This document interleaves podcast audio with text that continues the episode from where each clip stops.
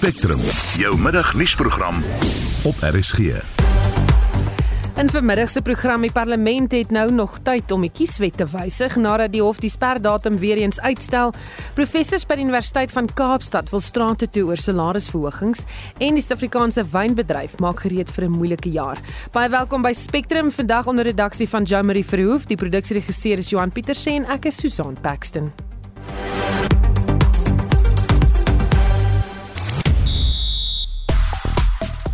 Die Rus Karen Khachanov is deur aan die halffinale by die Australiese Tennis Ope.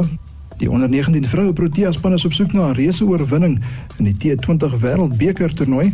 En by die netbal vierhoekige reeks in Kaapstad het al vier spanne nog 'n kans om as kampioene gekroon te word. Ek is Shaun Schuster vir RSG Sport.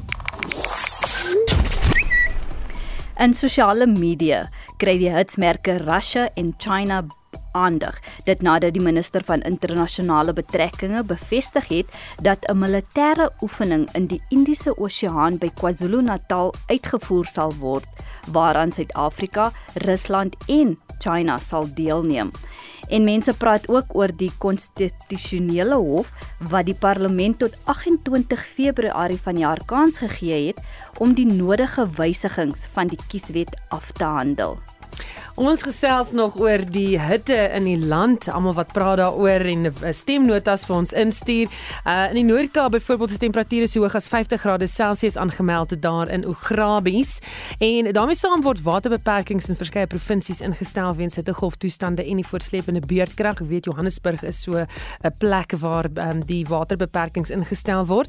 Dit is nie dat daar nie water is nie. Die Valdam is 101% vol. Dis net uh, met die beurtkrag en daai water nie gepomp word nie. So, vertel nog vir ons hoe warm is dit daar waar jy is? Op watter manier beïnvloed dit jou? Dalk veroorsaak dit dat die kinders nie kan sport doen nie of dat mense in jou dienste nie kan werk buite nie. Jy kan 'n WhatsApp stemnota stuur na 0765366961 of stuur 'n SMS na 45889 teen R1.50 per boodskap. Jy kan ook saampraat op die Monitor en Spectrum Facebookblad. Sy bykans 7 minute oor 12 jy luister na Spectrum die konstitusionele hof vir die parlement in Junie 2020 2 jaar kans gegee om die kieswet te wysig om dit vir onafhanklike kandidaate moontlik te maak om aan die nasionale en provinsiale verkiesings te kan deelneem. Nou het die hof nog 'n versoek aan die parlement toegestaan om die sperdatum te kan verleng of te verleng. Die parlement het ingevolge die jongste hofuitspraak nou kans tot 28 Februarie om die kieswet te wysig. Ons praat nou met Alta se parlementêre waarnemer en navorsers navorsingsbestuurder Rachel Fisher. Goeiemôre Rachel. Goeiemôre Susan en goeiemôre aan ons luisteraars. Die laaste uitspraak van die konstitusionele hof op 20 Januarie volg op 'n reeks ander uitstalle wat uh, toe nou al toegestaan is om veranderinge aan die wysigingswetsontwerp te kon maak. Hoekom is dit nou weer uitgestel? So die amptelike redes vir hierdie verlenging sal later verskaf word. Maar kyk, hierdie proses is vasgevang tussen 'n klip en 'n harde plek. Die vorige sperdatum was die 10de Desember en reeds teen die 6de Desember van laas jaar het die portefeulje komitee van binnelandse sake gevind daar is nie voldoende tyd om hierdie wysigings aan te pas nie. Die Nasionale Raad van Provinsies het 'n paar wysigings aanbeveel en dus moet hierdie weer deur 'n proses gaan van openbare deelname. So wat se implikasies van hierdie verdere vertraging?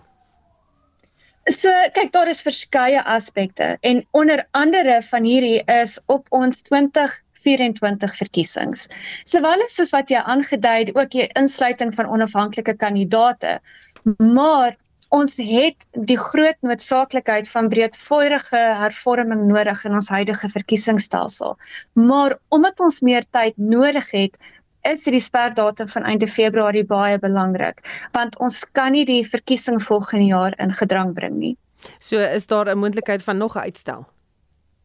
Ons hoop nie so nie, want vir die onafhanklike verkiesingskommissie het hulle baie sterk aangedui. Hierdie is die laaste sperdatum.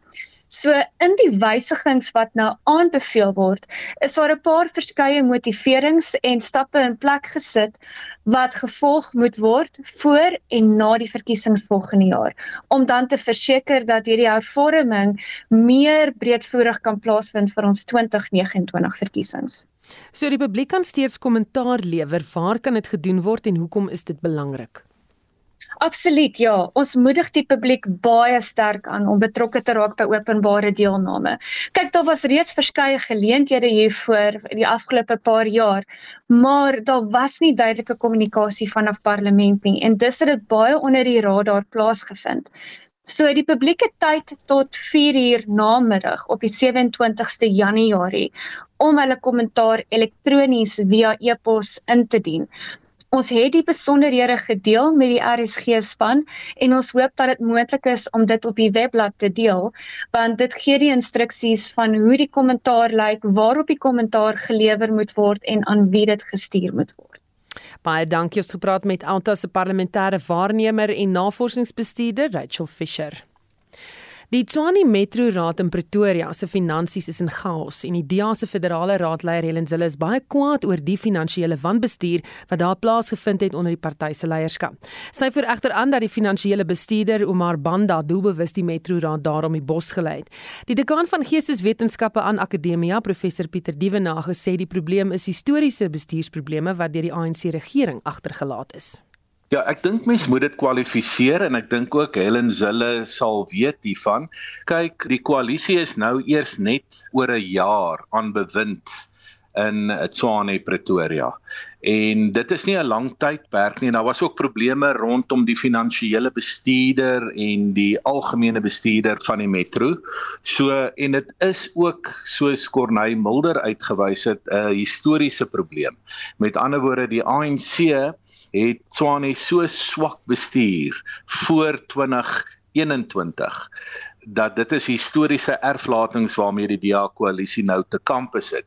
Maar weer wil ek beklemtoon, die DA koalisie het nou al reeds meer as 'n jaar kans gehad om dinge om te draai en die koalisie in Tshwane is ook meer stabieler as in Ekurhuleni of Johannesburg. En is jammer dat die ouditeur-generaal se verslag so moes wees en ek dink intern moet die DA omdat hulle die burgemeester aanwys die sweep plat klap. Ek kan dit nie anders sien nie en ek sien ook Helen Zille se verklaring teen daardie agtergrond.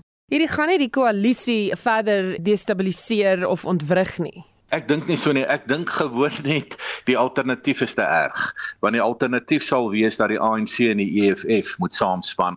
Daar is ook probleme tussen daardie twee partye. So ek sien nie in hierdie stadium dat daar 'n maklike alternatief kan kom vir Tswane nie. Ek sien Action SA en die DA as die senior vennote saam met kleiner vennote soos die Vryheidsfront Plus en die ACDP om voort te bestuur in hierdie baie belangrike metro wat ook een van die hoofstede van Suid-Afrika is, maar dan moet daar baie goeie fiskale of finansiële dissipline kom in hierdie metro, want hierdie metro is te belangrik om nog verder in chaos voort te gaan. Daar is 'n lang geskiedenis van swak bestuur in die stad veral onder die ou ANC bewind, maar die koalisie in Swane Pretoria het nou die geleentheid om werklik waar te wys dat koalisiepolitiek ook kan slaag. Gepraat van metros die in koalisies in Johannesburg Metro hmm. word daar weer mosies van wantroue teenoor die burgemeester ingestel. Wat gaan daaraan? Hmm. Kyk, dis 'n baie meer prekêre koalisie as ek dit kan noem. Beide Johannesburg en Ekurhuleni hier binne die Gauteng area is meer prekêr wanneer dit kom by koalisiepolitiek. Ons weet in Johannesburg kan die DA net regeer as die ASA en dan ook die Patriotic Alliance saam met hulle span. Nou in hierdie stadium sien ek die koalisie bietjie sterker as vroeër, maar as die ANC daarin slaag om weer die EFF saam met hulle te kry, dan kan hulle beheer oor die metro oorneem. Maar ook aan daardie kant tussen die ANC en die EFF weet ons nou al dit is baie moeilik om daar 'n koalisie op gang te bring. Al probeer die ANC ook hoe hard. Maar ons sal maar moet kyk wat nou gebeur. Daar gaan beslis weer 'n mosie van wantroue kom in die DA en die burgemeester Dr Palazzi en ons sal hierdie ruimte maar moet fyn dophou.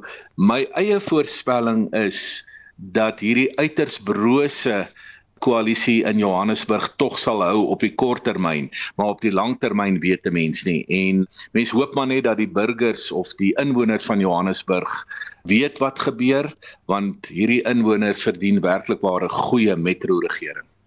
En dit was die dekaan van Geesteswetenskappe aan Akademia professor Pieter Dievenage. Die Universiteit van Kaapstad se vakbond vir akademici sê hy wil 'n 6% verhoging hê vir personeel by die universiteit of hy gaan voort met 'n staking. Die universiteit bied 'n 3% verhoging aan, maar 84% van die vakbond se lede het gestem vir 'n 3-daagse staking eerder as om die 3% te aanvaar. Die hoofonderhandelaar van die vakbond, professor Kelly Mout, het vroeër aan SAK nuus gesê dat die personeel van die universiteit die afgelope 3 jaar reeds nie behoorlike salarishogings ontvang het nie om die universiteit te help om finansiëel kop bo water te hou? Not enough because inflation in the country is at 6.9%. It's not enough because for the last three years, to try and assist with the kind of financial constraints that the university is facing, academics have taken a below inflation increase, which means that for the last three years and now this year, the fourth year, we will be poorer in real terms and it's also, you know, that affects not only each of us individually in our pockets, but it affects the university's ability to attract really great staff to the university. It affects our ability to retain who we have. It undermines transformation. And that's because most of our competitor institutions have managed to offer their staff at least 6%. So there's a really big difference between a 3 and 6 in the face of all of the uh, increased costs that we face. Mout sê hulle is nie blind vir die kostes wat die universiteit moet aangaan nie of dat studiefooie so laag as moontlik gehou moet word nie, maar dit kan nie meer ten koste van personeel wees nie. We completely acknowledge the constraints that are in the academic environment in the funding environment. Um, but at the same time a university with great buildings and wonderful students uh, is not is not the same place as a university with great buildings, wonderful students, and uh, and a really fantastic academic staff. At the end of the day, you know, we we are the people that stand in classrooms. We're the people that produce the research that helps keep our university at the rankings, uh, the position in the international rankings that it is. Uh, and a- any management in any business is faced with trying to manage competing demands strategically, we don't think that the university for the last good number of years has placed or given academics the importance in those strategic decision making that they that they need to have to make our institution sustainable long term. So while it is a salary increment, it is also about the kind of strategic balancing of competing demands. Uh, the university's budget still has 244 million rand of strategic spend, including 60 million under the under the control of the vice chancellor. So there, you know, there are, it's it's one thing to say that everybody has to tighten their belts. It's another to say that acad- that staff at UCT, particularly academic staff in this case, because we're the only ones who have been negotiated with to this point, uh, that staff must tighten their belts but to continue spending uh, in large numbers in other places and that is not sustainable for our institution in our view. Sy verduidelik wat hulle as akademici beplan tydens die staking. So uh, we are going to do a, a variety of things. We will probably before the actual strike do work to rule. Uh, we're going to hold pickets on campus and deliver demands uh, and we will be absent from offices and classrooms. en dit was die hoofonderhandelaar van die Universiteit van Kaapstad se vakbond vir akademici professor Kelly Mout. Die menseregte prokureur Tulani Maseko van Eswatini is voor sy huis in Mbabane doodgeskiet. Die oorlede in Eswatini sê dat die polisie reeds besig is met 'n in-diepte ondersoek oor die moord. Die regering het ook sy medelee teenoor Maseko se familie uitgespreek, maar ook gewaarsku teen wat hy noem propaganda wat op sosiale media versprei word oor die moontlik moontlikheid dat die regering betrokke was by die moord. Maseko was ook die voorsitter van die sogenaamde Multi-Stakeholder Forum wat hom daarvoor beywer het om 'n demokratiese bestel in Eswatini te bewerkstellig. Wayne Kube, die direkteur van die organisasie vir Lawyers for Human Rights, sê die moord op Maseko is baie hartseer.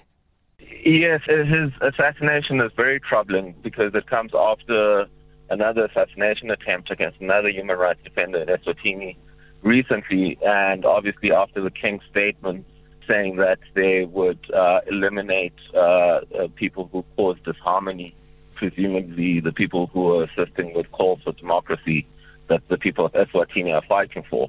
And he had been fighting this cause for a long time. He had been jailed for it, for having stood up and represented and legally represented a lot of protesters, a lot of other activists, and campaigned internationally to raise awareness on the deteriorating human rights conditions in that country and the violent responses to calls for democracy in that country. Ngube sê weens sy stryd vir demokrasie in Eswatini kan 'n mens nie anders as om te wonder oor wie betrokke was by sy moord nie. Uh, yes, obviously uh, people are going to be very cynical about it. It's very clear who his enemies were. It's very he has had to escape the country in the past because of repression against the state and know that there have been mercenaries operating at the king's behest to crack down on democratic voices and the timing so soon after such an inflammatory speech which seemed to basically sit that assassination was at this point. So you would hope that there are some sort of independent investigations, but you can't trust the people who are the primary suspects to be the ones who are investigating potentially their own wrongdoing. And so that's why there are big calls for the international community to really put pressure on the Eswatini government to really not just address this assassination, but just the overall deteriorating condition for human rights defenders in that country, and also the strong calls for SADC to be more responsive in terms of calls for reform in that country. Hy sê die Suid-Afrikaanse regering moet homself duidelik uitspreek oor die gebeure. There should be the leading voice within SADC and the international community in the responses. Obviously, the very clear ties between the two countries, Eswatini is being completely bordered by South Africa, the historical uh, links between the countries. Uh, South Africa has the most influence on Eswatini, and if South Africa wants to uphold the principles within its own constitution, then they should be leading the role that the rest of the international community takes in responding to the current situation there. En dit was Wayne Kube, die direkteur vir die organisasie vir Lawyers for Human Rights wat vroeër met SAK nuus gepraat het. 23 minute oor 12 jy luister na Spectrum die Suid-Afrikaanse wynbedryf maak gereed vir nog 'n moeilike jaar. Dit weens klimaatsverandering, beurtkrag en ander uitdagings. En ons praat nou met die bestuurder van die wynprodusente liggaam Winpro, Christo Konradi. Goeiemôre Christo. Goeiemôre Susan en goeiemôre aan die luisteraars. Lekker om julle te gesels hoor. Sê vir my na die COVID pandemie en al die wynproduksie wat daar verlore gegaan het, wat se impak het beurtkrag op die wynbedryf en produksie?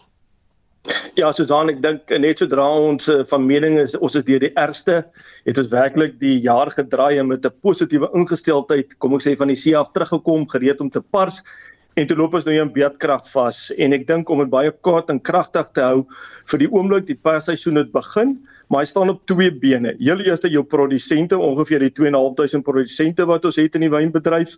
Ehm um, hulle moet besproei, nie noodwendig almal nie, maar die meerderheid moet besproei.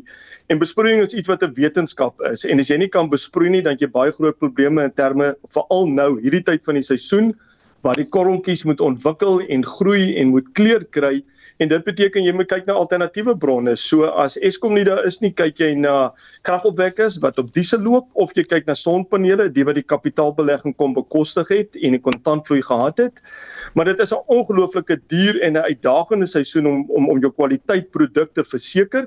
So dit is in 'n neutedop ons uitdaging op die huidige stadium is dat die sakke is dalk nie diep na COVID nie, maar eenvoudig jou produsente doen alles in hulle vermoë om 'n kwaliteit produk daar te stel voordat dit in die kelder kan ingaan vir verdere verwerking na wyn. Hmm. Die wynbedryf beoog ook die stigting van 'n nuwe verteenwoordigende bedryfsliggaam. Wat sal dit behels en hoekom is so iets nodig? En dit is baie eenvoudig. Die bedryf het oor die laaste 10-15 jaar gestaan op verskillende besigheidsentiteite, amper soos enige groot besigheid. En nadat hulle destyds uit die KWV almal gevorm is, het ons net eenvoudig 'n punt bereik om te sê ons kan baie makliker saamwerk onder een dak uit een mond uitpraat. So ons gaan 'n struktuur daar stel wat ons werklik een mond vir die industrie gaan gee en dis 'n proses wat nou gaan begin vorentoe beweeg en die nuwe organisasie sal bekend staan as SA Wyn. Ons adverteer hierdie tyd vir die nuwe uitvoerende bestuurder en daarna sal die proses sy loop neem wat ons toe ons amptelik sal afskop teen uh, Julie maand hierdie jaar. En sê vir my hierdie beurtkrag, hoeveel inkomste verloor die bedryf as gevolg daarvan?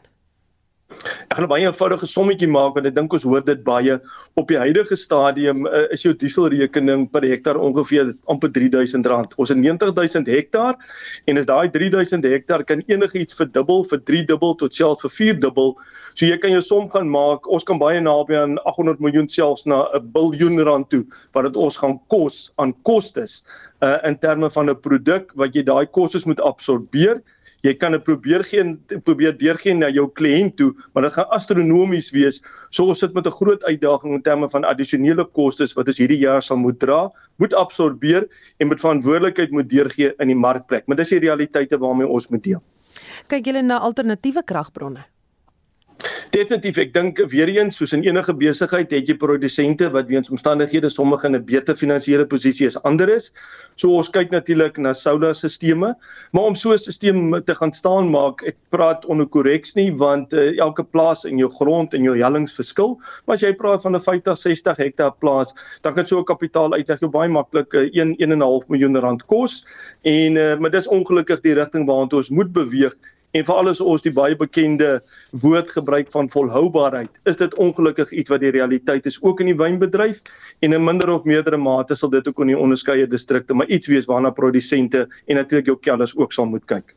Christo, wat is julle verwagting vir die wynoes vir vanjaar?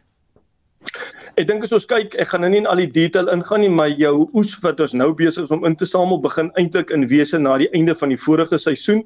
So ons is deur 'n winter, ons is deur 'n lente, ons is nou so middel van die somer.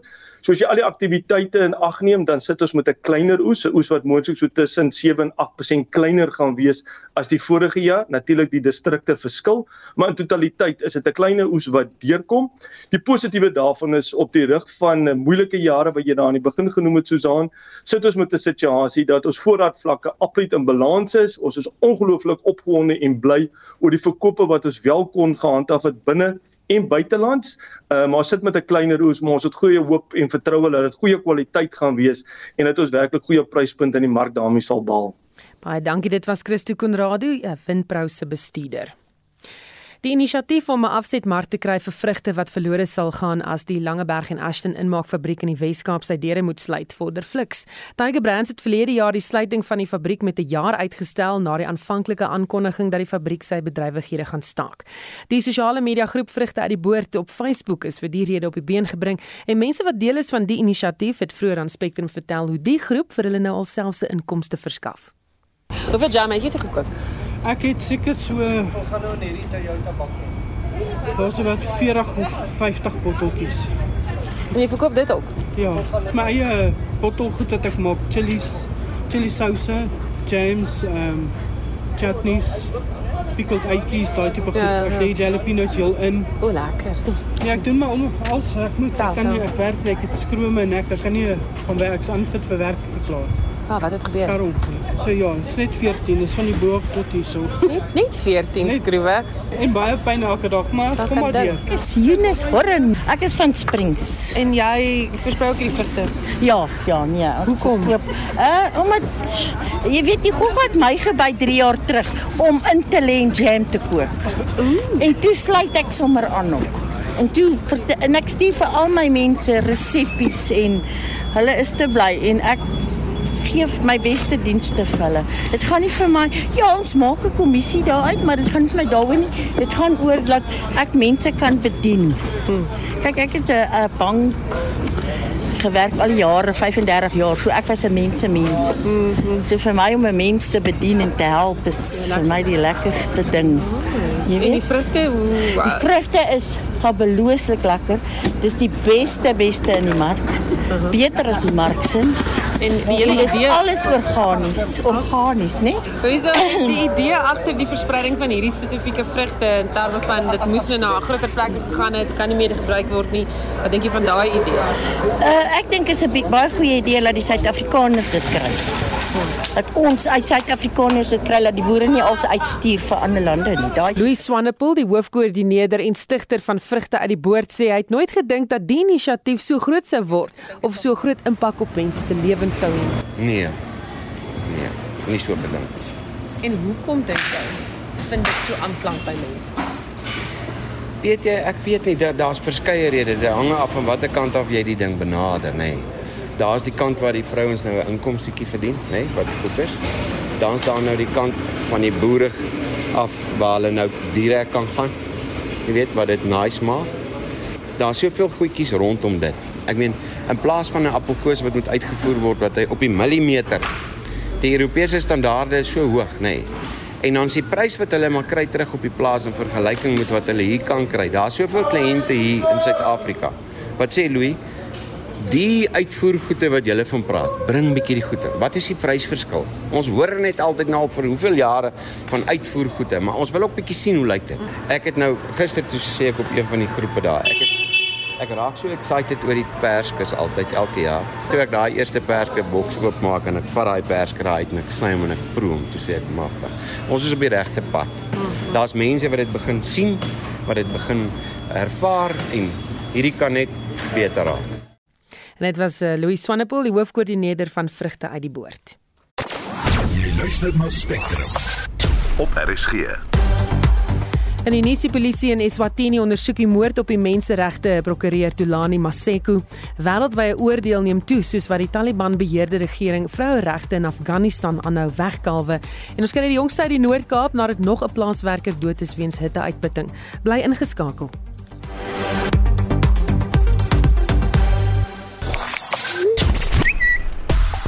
In sosiale media onder die hitsmerk BRICS neem Suid-Afrika vanjaar die voorsitterskap van die BRICS-lande oor en sal die gasheerland wees wanneer die 15de BRICS-beraad later vanjaar gehou word.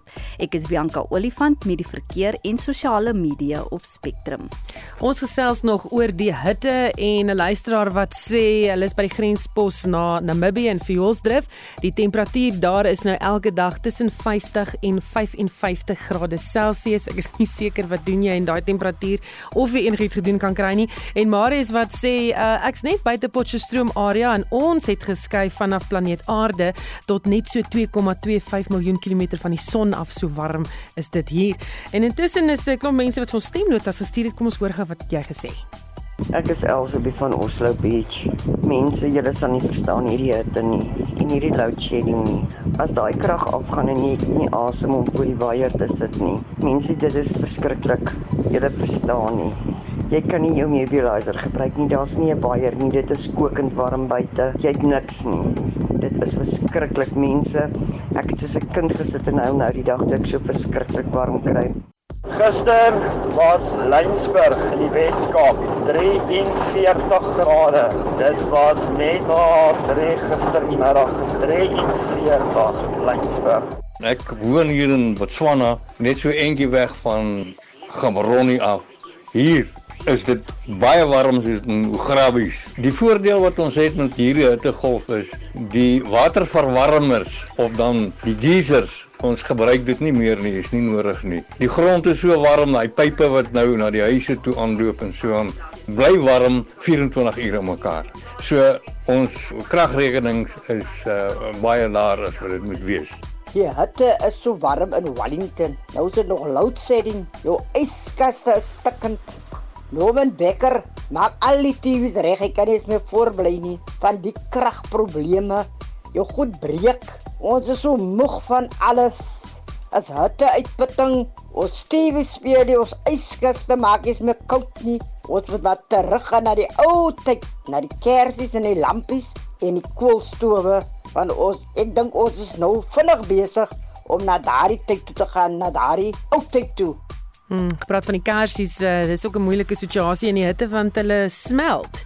Jy kan nog 'n WhatsApp stemnota stuur na 0765366961 of stuur 'n SMS na 45889 teen R1.50 per boodskap. Jy kan ook saampraat op Monitor en Spectrum se Facebookblad. Tyd vir die jongste sportnuus met Shaun Jooste. Die kwartfinale by die Australiese Tennis Ope het vanoggend begin. In die mansafdeling is Dere Skaren Kachanov deur na die laaste 4 na die Amerikaner Sebastian Korda weens besering onttrek het.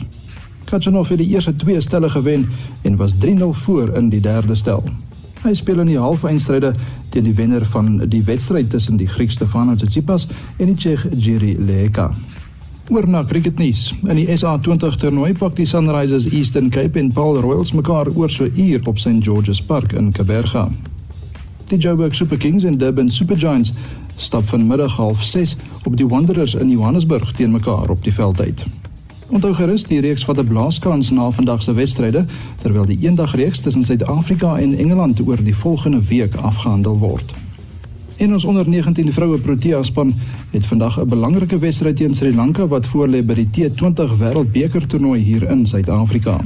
Hulle is op soek na 'n goeie oorwinning om hulle netto loopie tempo so bietjie op te jaag. Suid-Afrika is derde op 4 punte in groep 1 van die Super 6 fase met Indië en Australië eerste en tweede op 6 punte. Slegs die top 2 dring deur na die halfeindstryde. Die wedstryd begin kwart voor 2 in Potchefstroom.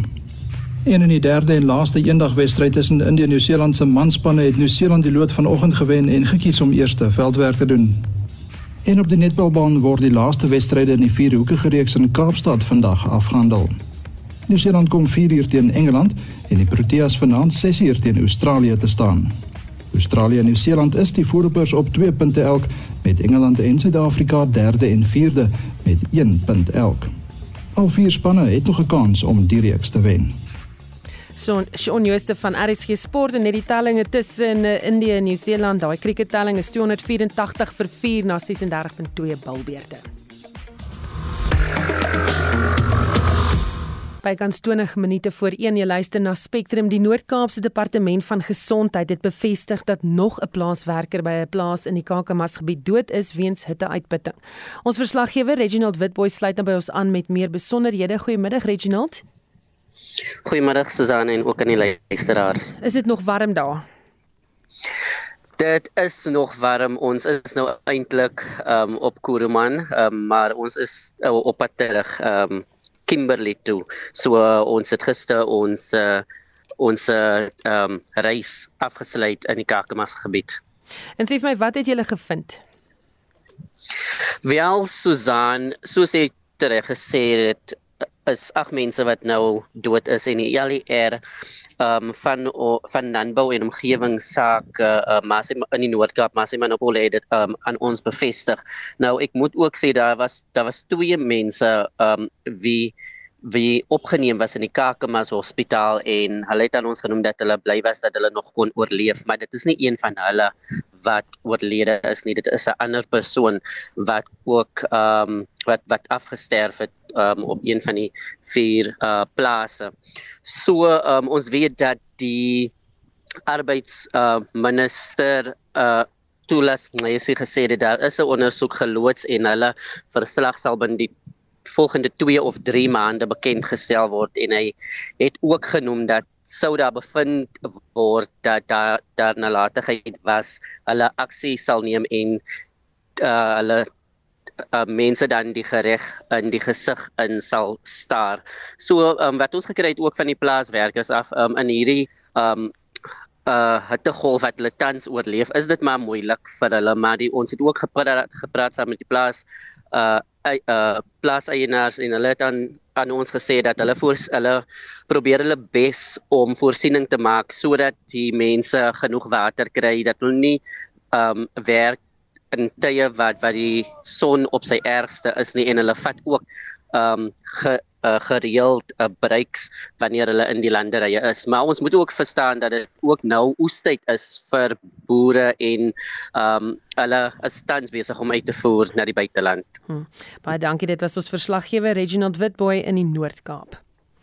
Die Eskom Raad verskyn tans voor die staande komitee oor openbare rekeninge of skoor, dit nadat skoor verlede jaar voorstelle ter tafel gelê het om die kragvoorsieningsprobleme in die land op te los wat later in die parlement aanvaar is. Die doel van die verskyning van die Raad vir skoor is om terugvoer te gee oor vordering wat betref die aanbevelings. Hier's 'n uittreksel van wat Andre de Ruyter aan skoor gesê het vanoggend.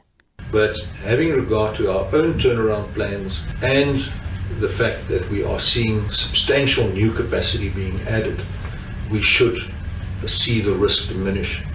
Having said that, I think it's extremely important that we do not lose momentum, that we carry on adding new capacity, and that we continue to invest in the electricity industry, and in particular to invest in our transmission grid, which is the enabler of adding new generation capacity. It's not only about building new power plants, it's also about connecting the power plants to the consumers. And this is what we need to keep on doing. It's an integrated system. It's not limited to only building plants. So that would be my forecast with the health warning. Thank you, Honourable. En dit was die stem van die bestuurshoof van Eskom, Andrei de Ruyter. Nou die president het tydens die afsluiting van die ANC se provinsiale konferensie in die Vrystaat Eskom gevra om nie die goedgekeurde kragtariefverhoging van 18% in te stel nie. Die woordvoerder van Eskom, Sikonati Manshansha sê dit is nie so maklik nie. Hy verduidelik dat ingevolge die wet mag Eskom nie minder of meer vra vir elektrisiteit as wat die kragreguleerder Nersa goedgekeur het nie, nie eens as die president vra nie. Let's make this clear. The ESCOM applied for a tariff increase of 32%, and following the NERSA process, NERSA decided the increase would be 18.65%. So if ESCOM had its way in order to cover its costs and to ensure that it is able to run its operations as best as possible and to bring the price of electricity in line with the cost of producing it, it would have received a 32% increase. But NEFA, following a proper process, decided the appropriate price is 18.6%. The only way to change the price would be for someone to go to court to review and set aside the decision that was made by NESA following its process, its established process catered for in the law. You would have to establish a legal basis on which this decision is irrational and has to be reviewed and set aside. That is the only way, and that, of course, is open to everybody to, to go to court and challenge that decision.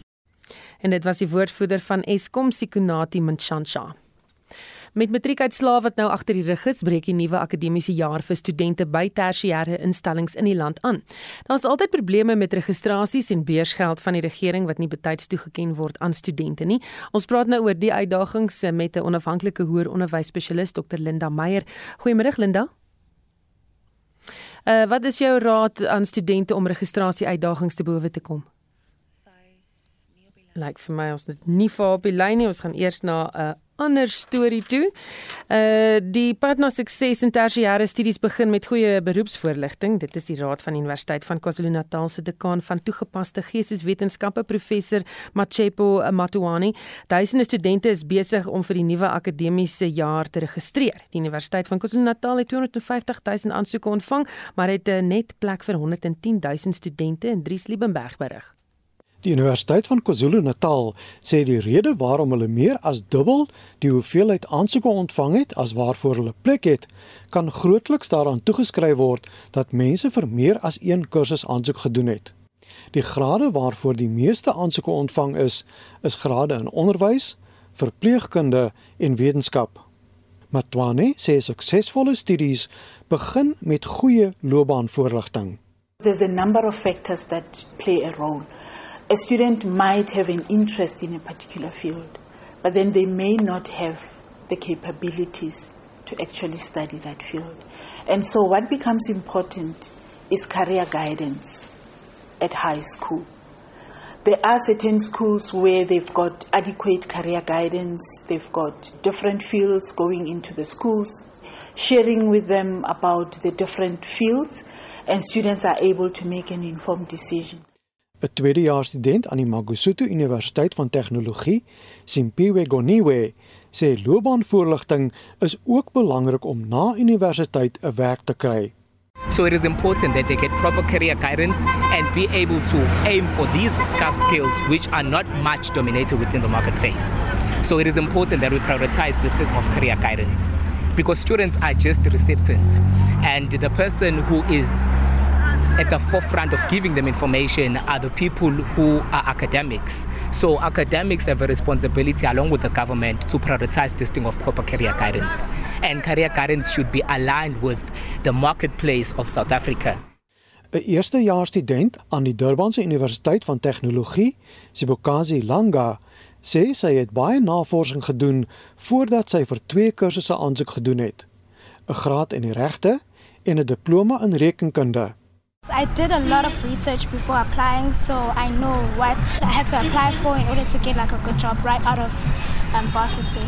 So I did do a lot of research. I think it is a pretty solid career.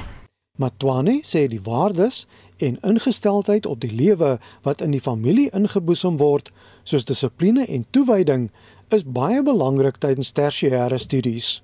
And then as they come to the institutions like your school, they get even more emphasized and then they begin to realize that this is important for us to understand. And some of the skills like your critical reasoning skills do form part of what we teach our curriculum because some of the assessment that we do, we build those kind of skills into the assessment, your problem solving skills. Matwane sê studente wat van kursus verander, doen dit meestal in hulle eerste jaar. Soms doen hulle dit omdat hulle besef dat hulle nie die aanleg het om 'n kursus te slaag waarin hulle belangstel nie. Sy sê die keuse van 'n ander kursus is soms beperk wat op sy beurt 'n impak het op die kans om 'n werk te kry. Ek is Dries Liebenberg in Durban. Goed, so ons het nou vir Dr Linda Meyer hier op die lyn. Sy is 'n onafhanklike hoër onderwysspesialis en ons praat met haar oor die uitdagings uh, om te registreer en al die probleme by tersiêre instellings. Goeiemôre Linda. Goeiemôre. Wat is jou raad aan studente om registrasie uitdagings te bowe te kom?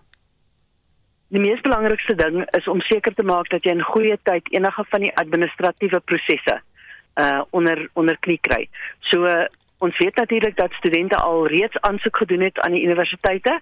Daar is nog uh van die programme wat oop is, maar baie baie min en die privaat instansies is natuurlik nog oop vir uh aansoeke om studente te plaas.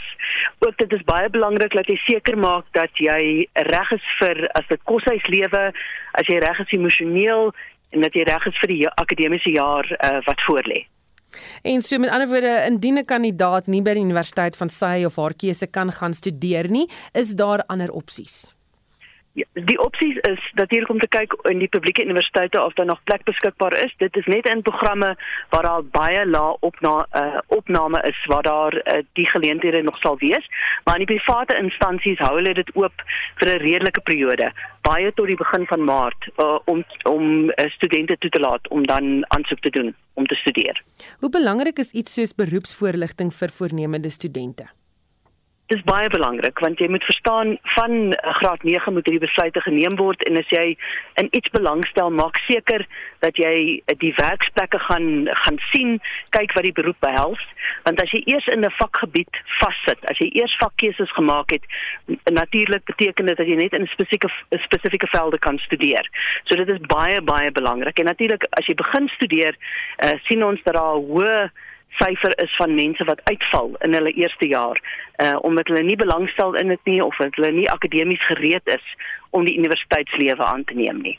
Nou die minister van hoër onderwys Dr Blyden Semandi het later vanmiddag 'n media konferensie oor die toekenning van die studente hulpskema en is vas. Uh, wat verwag ons gaan hy sê is die riglyne om te kwalifiseer vir befondsing? Die riglyne is redelik oop, maar ons moet verstaan dat daar minder en minder geld beskikbaar is in die fiskus. So hierdie jaar gaan ons 14000 minder eerstejaars studente sien wat kwalifiseer om in universiteite in te gaan en natuurlik eh, die riglyne wys aan dat van tweede jaar uh, studente af dat hulle 55% van hulle kursusse sal moet deurkom om nog steeds te kwalifiseer vir NSFAS befondsing. NSFAS beweeg beweeg ook na 'n skema waar universiteite hulle nie direk sal betaal nie en waar hulle ook huisvesting uh deur NSFAS so sal voor aansoek doen en nie meer deur die universiteite nie. So die hele stelsel in die volgende uh, 24 maande gaan baie groot aktiwiteit en veranderinge sien. Baie dankie ons gepraat met 'n onafhanklike hoër onderwysspesialis Dr Linda Meyer. Vir jongste sake nie sluit Renier van Sail naby ons aan. Hy 'n portefeuljebestuurder by Efficient Private Clients. Goeiemôre Renier. Goeiemôre Suzan en so kan ons wat in luister. As ons soos normaal wegspring met die plaaslike mark, sien ons daar's nie veel aksie op die plaaslike mark nie. Die alle aandele indeks basies plat die dag Nou as ons kyk na daardie uh indekse wat natuurlik ons markte beweeg, is ons hulpbronne laer met 1% vir die dag en ons banke vaar nie veel beter nie. Hulle self af met 1%. As ons kyk na die grootste wenners vir die dag, is Sasol op met so 4.3%. Nou die chemikalie en energie groep het vroeër gesê dat hulle teen 2024 van hulle plaaslike besighede wil voorsien van hernubare energie. Nou, ons het ook al in die verlede gehoor dat hulle hulle uitlaatgasse teen 2030 met 30% wil knip. Dan het ons ook gesien dat selfs die tweede startdag hy op met 3.5% en aan die ander kant van die muntstuk is RCL Foods laer met 5.9% en Glencore is laer met so 2.5%. Nou die rand het verswak van vanoggend se vlakke. Hy staan teen 17.30 teen die dollar Die prys van goud is 0.5% hoër op 1936 dollars per fyn ons. Nou sien dat die prys van Brent olie basies onveranderd op 88 dollars per vatjie Brent. Die Amerikaanse markte het gisteraand lekker sterk gesluit op verwagtinge dat die sentrale reservebanke heel moontlik nie so aggressief rentekoerse gaan verhoog vorentoe nie. Nou as ons kyk na meeste Europese markte, verhandel hulle op die oomblik in die rooi. Dis my storie vir vandag. Julle moet 'n baie lekker dag hê. Baie dankie. Dit was Renier van Sail van Efficient Private Clients.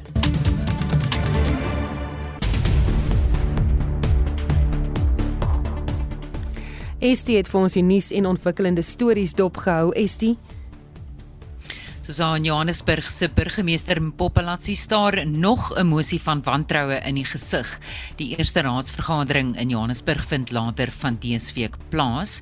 Die Patriotic Alliance sê hy sal ten gunste van Palatsi se verwydering stem en hier is die party se president, Kenny Kuneni. On Thursday, indeed the motion might come and if that motion comes We will vote with the ANC bloc and we will vote Mpopalati out. We'll vote the DA out of power. Die konstitusionele hof het verlede week 'n aansoek van die parlement toegestaan om die sperdatum te verleng om veranderinge aan die kieswet wysigingswetsontwerp te kan aanbring. Alle veranderinge moet nou teen 28 Februarie gemaak wees en die kieswet wysigingswetsontwerp moet teen die tyd deur die president afgeteken wees om dit vir onafhanklike kandidaate moontlik te maak om aan die 2024 verkiesing te kan deelneem. Hier is Rachel Fisher van Alta. Al is die sperdatum aangepas, gaan die nodige hervorming nie voldoende wees vir volgende jaar se verkiesing nie. Maar 'n grondwetlike kieswet wetsontwerp is van kardinale belang sodat die verkiesing nie in gedrang gebring word nie. Ons moedig die publiek aan om betrokke te raak by die openbare deelname. Die publiek het tyd tot 27 Januarie om hul kommentaar in te dien. Nou soos wat ons deurlopend berig, is die hitte in die land steeds nie gebreek nie. In Johannesburg Gauteng is vlak 1 waterbeperkings nou van krag te midde van die voortsleepende beurtkrag en hittegolf toestande. Johannesburg se nooddienste se woordvoerder Robert Malahutsi het vroeër die waarskuwing uitgereik. Extremely hot temperatures expected in most parts of the city of Johannesburg and surrounding areas today.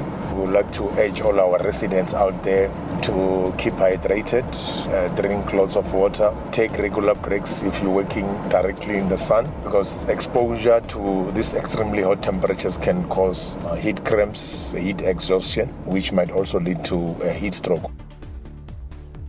En die minister van Hoër Onderwys, Dr. Blyden Zamandi, het vanmiddag 'n media-konferensie waar hy aankondiging sal maak oor die studente hulpskema NSFAS en dit begin om 3uur. En onthou kom in te skakel vir brandpunt om kwart voor 6 vanmiddag en die span kyk onder meer na die stand van dampvlakke in die Wes-Kaap.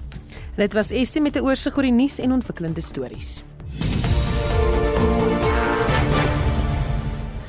Het 'n brokkie eh, nuus uit die buiteland wêreldwye oordeel teenoor die Taliban is besig om toe te neem oor die behandeling van vroue en meisies in Afghanistan. 'n Maand het reeds verloop sedert die Taliban 'n verbod ingestel het dat geen vroue studente met hulle studies aan tersiêre instellings eh, in die land kan voortgaan nie en daar bestaan geen sekerheid of vroue studente ooit na hulle universiteite sal kan terugkeer nie. Storie waaroor ons ook 'n eh, oog sal hou soos ons gaan. Dan is nog terugvoer van luisteraars af oor die hitte. Linina Ber sê sy sê luister 60 jaar terug het mense nat gooiings soos 'n gordyn laat hang daar op die stoepe wat hulle dan op die stoep verkoel het en selfs met nat lakens of handdoeke op die koeler sementvloer gaan slaap het. Dieselfde om melk koel te hou sê sy. Ja, ek het al daarvan gehoor daar in Appington, daardie stoepe wat so om die huise gebou is waar die mense gelê het. En dan uh, sê Suzette in Pretoria my yskas en waier het die gees gegee waarskynlik weens die beerkrag. Daar is spesiale proppe om hierdie uh, stiekrag te keer, maar dit kan moet ek nou eers weer gaan aanskaf. Baie dankie vir RSG se en groetnis. Dankie vir almal wat saamgesels het vandag. Onthou vorige uitsendings van al ons nuusaktualiteitsprogramme is op rsg.co.za beskikbaar as potgoeie. Ons het namens ons uitvoerende regisseur Nicoline de Wet, die redakteur Jamie Verhoef en ons produksieregisseur Johan Pieterse. My naam is Susan Paxton. Geniet jou middag.